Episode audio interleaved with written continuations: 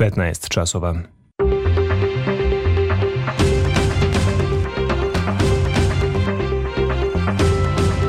Radio Novi Sad. Novosti. Dobar dan, ja sam Vesna Balta. Ja sam Nikola Rausavljević. Na početku novosti Vesti dana.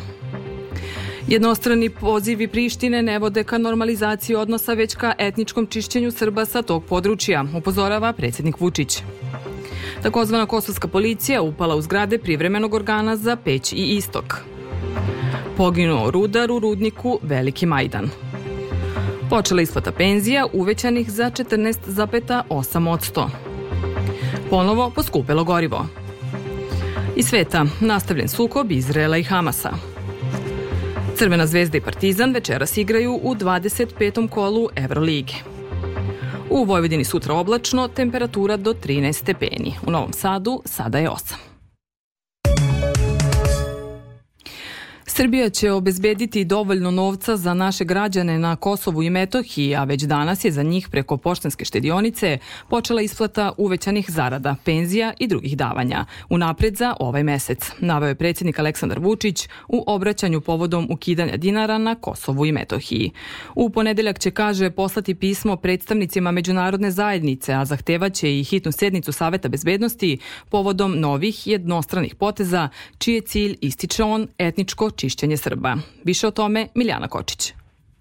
Jednostrani potezi Prištine ne vode ka normalizaciji odnosa, već ka etničkom čišćenju Srba s tog područja, kojih trenutno ima više od 7%, upozorava predsednik. Podsjeća da je naša zemlja u svim dosadašnjim sporazumima imala pravo da na Kosovo i Metohiji finansira zdravstvo, školstvo i da obezbedi druga davanja, navodeći da tamo imamo gotovo 32.000 zaposlenih, više od 29.000 penzionera, kao i korisnike podsticajnih ili socijalnih davanja.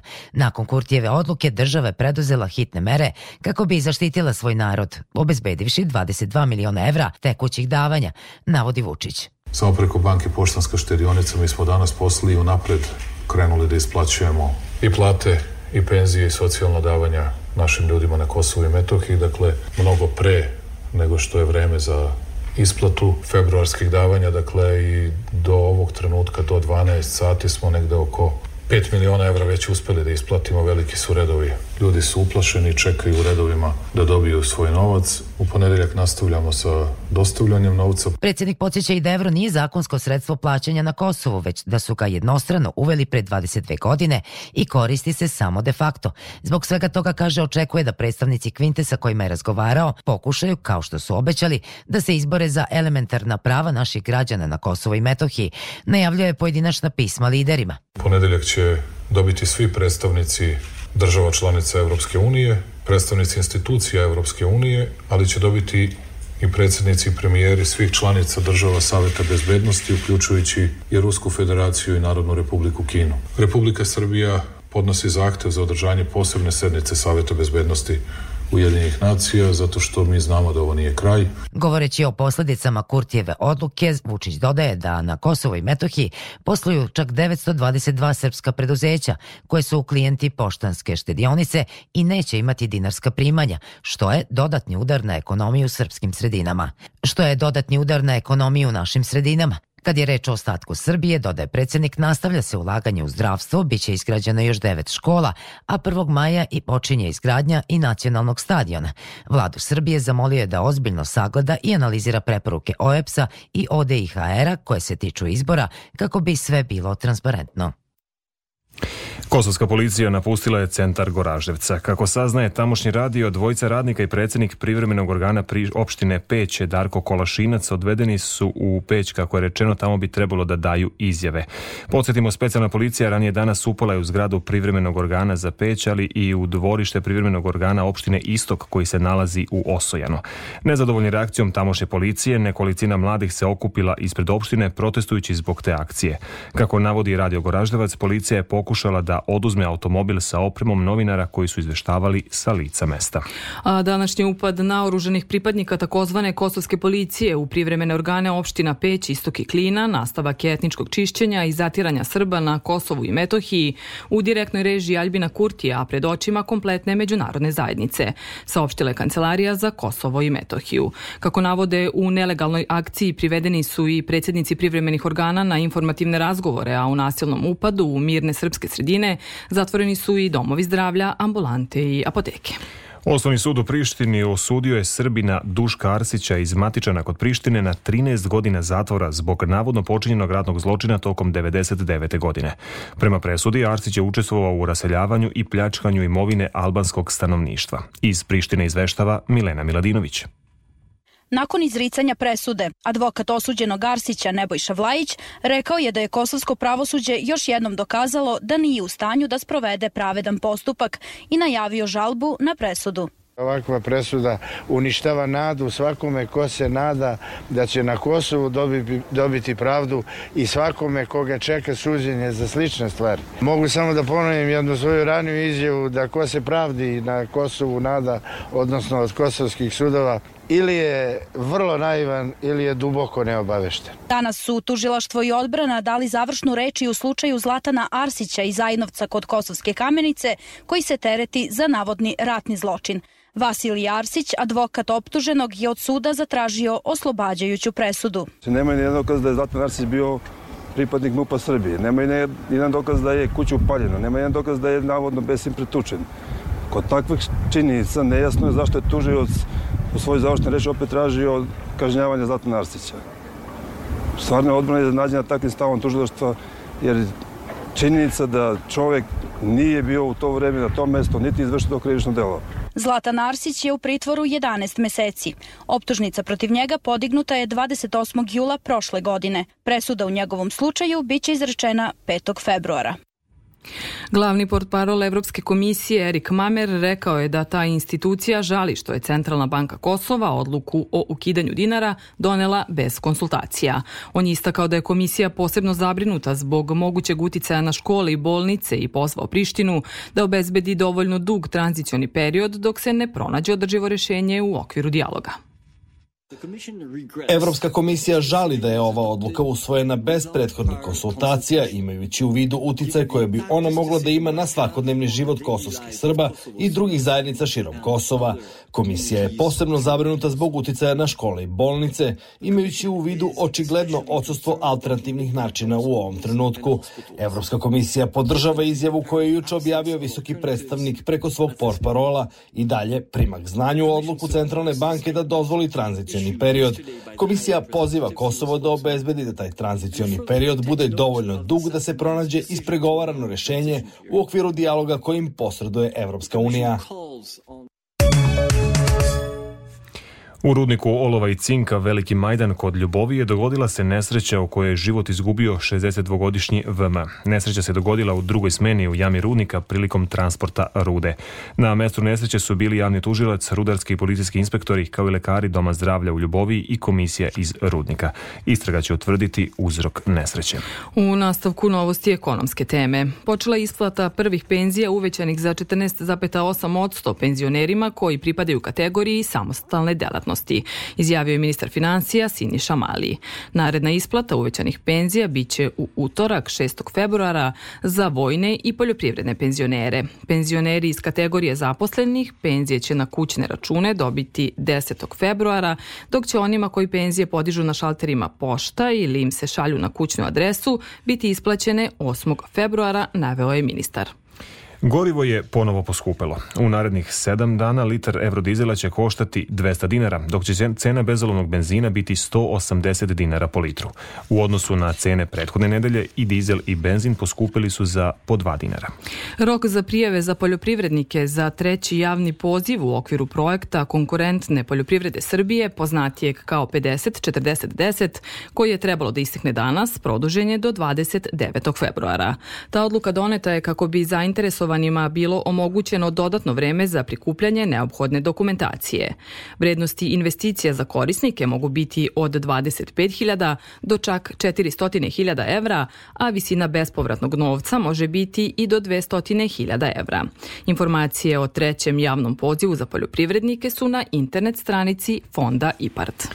Trend pada površina pod semenskom proizvodnjom u Srbiji mogao bi se usporiti namerom države da u ovoj godini subvencioniše kupovinu deklarisanog semena. To je jedan od najvažnijih zaključaka sa 58. savjetovanja agronoma i poljoprivrednika Srbije održanog na Zlatiboru. O tome Đorđe Simović. Na planinama se donose važne odluke. Geopolitički u Davosu u Švajcarskoj, ekonomske bitne za Srbiju na biznis forumu na Koponiku, a u sferi poljoprivrede to je savetovanje agronoma na Zlatiboru. Naučnici, eksperti u biotehnološkoj sferi, predstavnici brojnih kompanija, uspešni poljoprivrednici, svi na jednom mestu – Najvažnija tema ovogodišnjeg savjetovanja agronoma je najava države da će subvencionisati kupovinu deklarisanog semena. Pomoćnik ministra poljoprivrede Aleksandar Bogićević objašnjava da su se odlučili da subvencionišu kupovinu deklarisanog semena zato što se setvom takozvane tavanuše prinosi smanjuju, a bolesti šire. Po nekim računicama e, država tu gubi oko 9 milijardi dinara zato što e, je prinos upola manji bio nego, nego ranijih godina zbog e, upotrebe tog semena sa tavana. Naša semenska proizvodnja je samo za 10 godina smanjena sa 50 na ispod 40.000 hektara, a seme proizvedeno u domaćim nacionalnim institutima jedan je od stubova nezavisnosti svake države, a naročito Srbije, znajući koliko je poljoprivreda važna delatnost u našoj zemlji. Rukovodilac odeljenja za suncokret u Institutu za ratarstvo i povrtarstvo Vladimir Miklić pozdravlja odluku države da subvencioniše kupovinu deklarisanog semena, ali ocenjuje da je ona morala biti najavljena već u drugoj polovini prošle godine i da bi trebalo da se bar nekoliko godina sprovodi u kontinuitetu.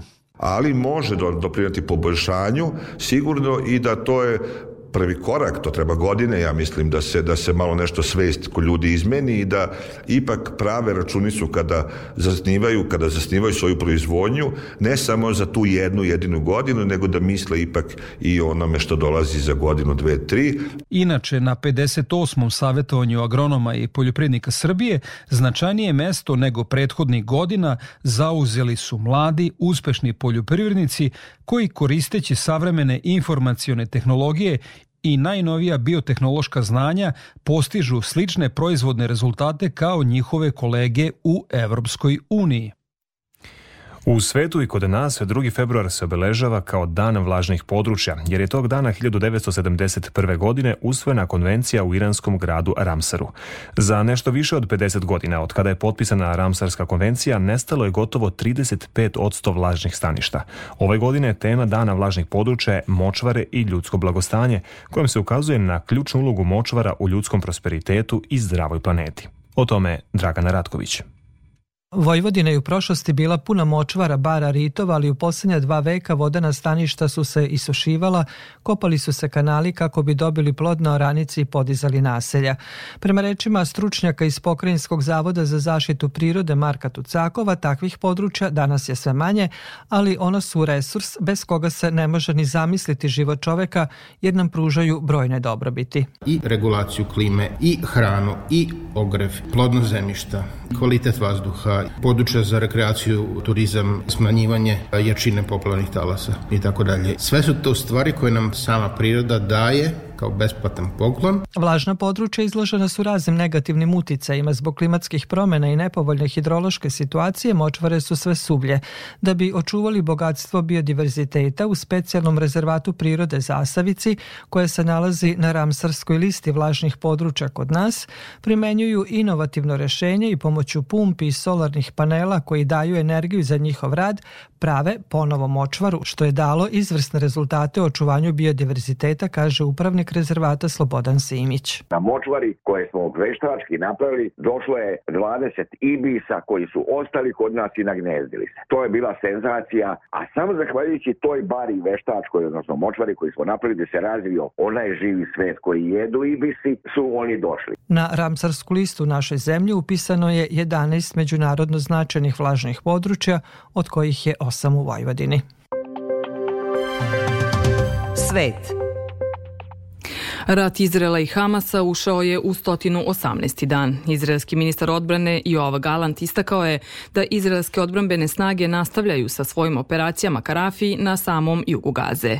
IDF saopštava i da je u protekla 24 časa ubijeno više od 20 terorista u sukobima u Kanjunisu u Južnoj Gazi, dok se ofanziva na grad nastavlja.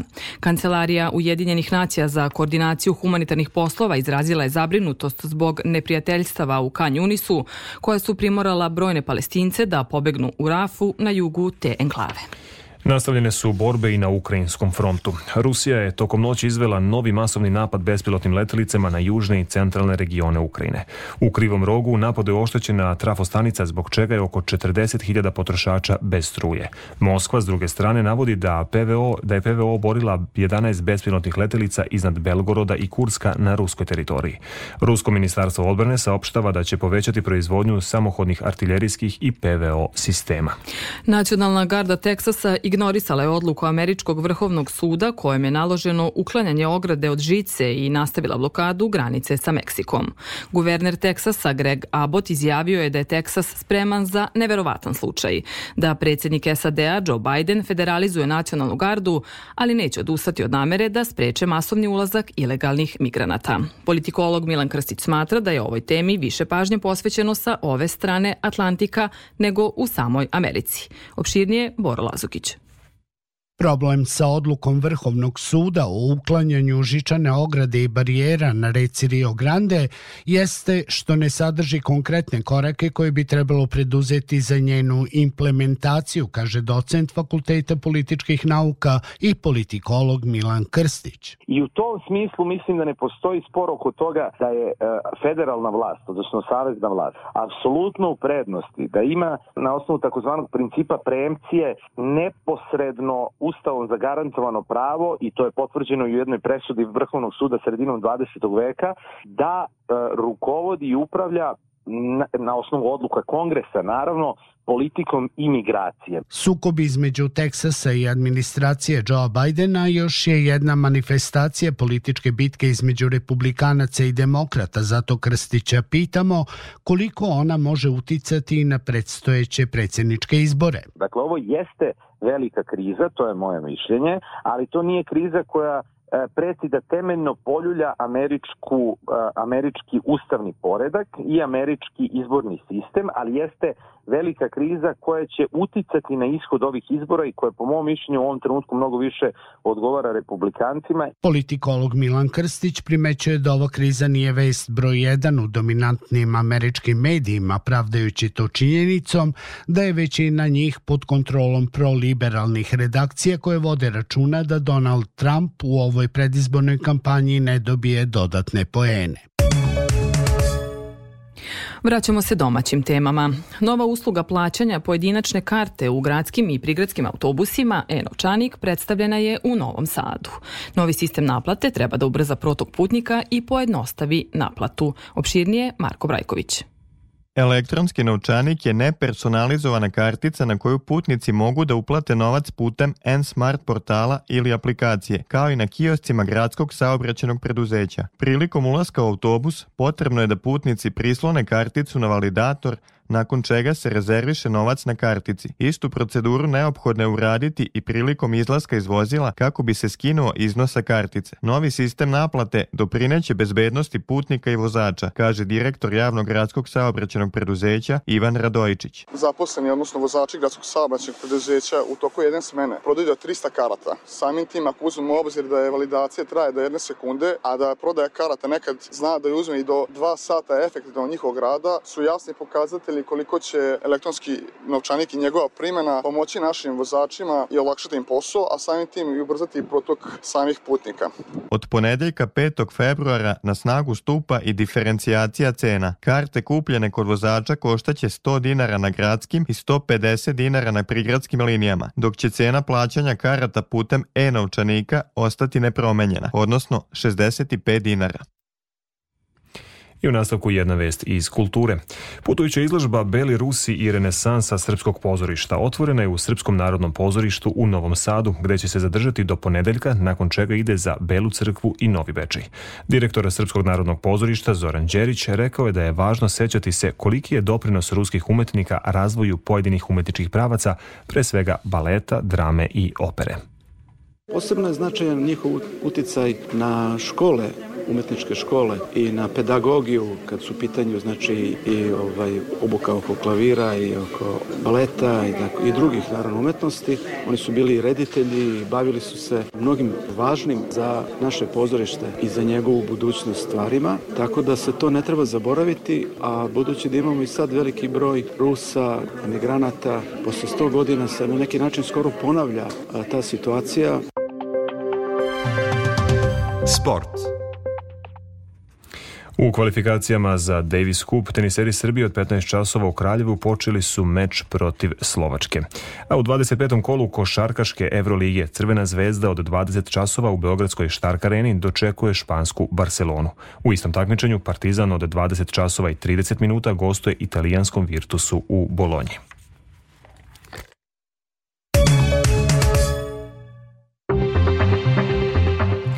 Pred kraj novosti još jednom vesti dana. Jednostrani potezi Prištine ne vode ka normalizaciji odnosa, već ka etničkom čišćenju Srba sa tog područja, upozorava predsjednik Vučić. Takozvana kosovska policija upala u zgrade privremenog organa za Peći istok. Poginuo rudar u rudniku Veliki Majdan. Počela isplata penzija uvećanih za 14,8%.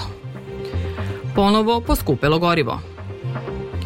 Nastavljen sukob Izrela i Hamasa. Iz sporta Crvena zvezda i Partizan večeras igraju u 25. kolu Evrolige. Kada o vremenu reč u većem delu Vojvodine je delimično oblačno, a temperature se kreću od 8 stepeni koliko je u Novom Sadu do 10 koliko je u Somboru. Sledi opširnija prognoza.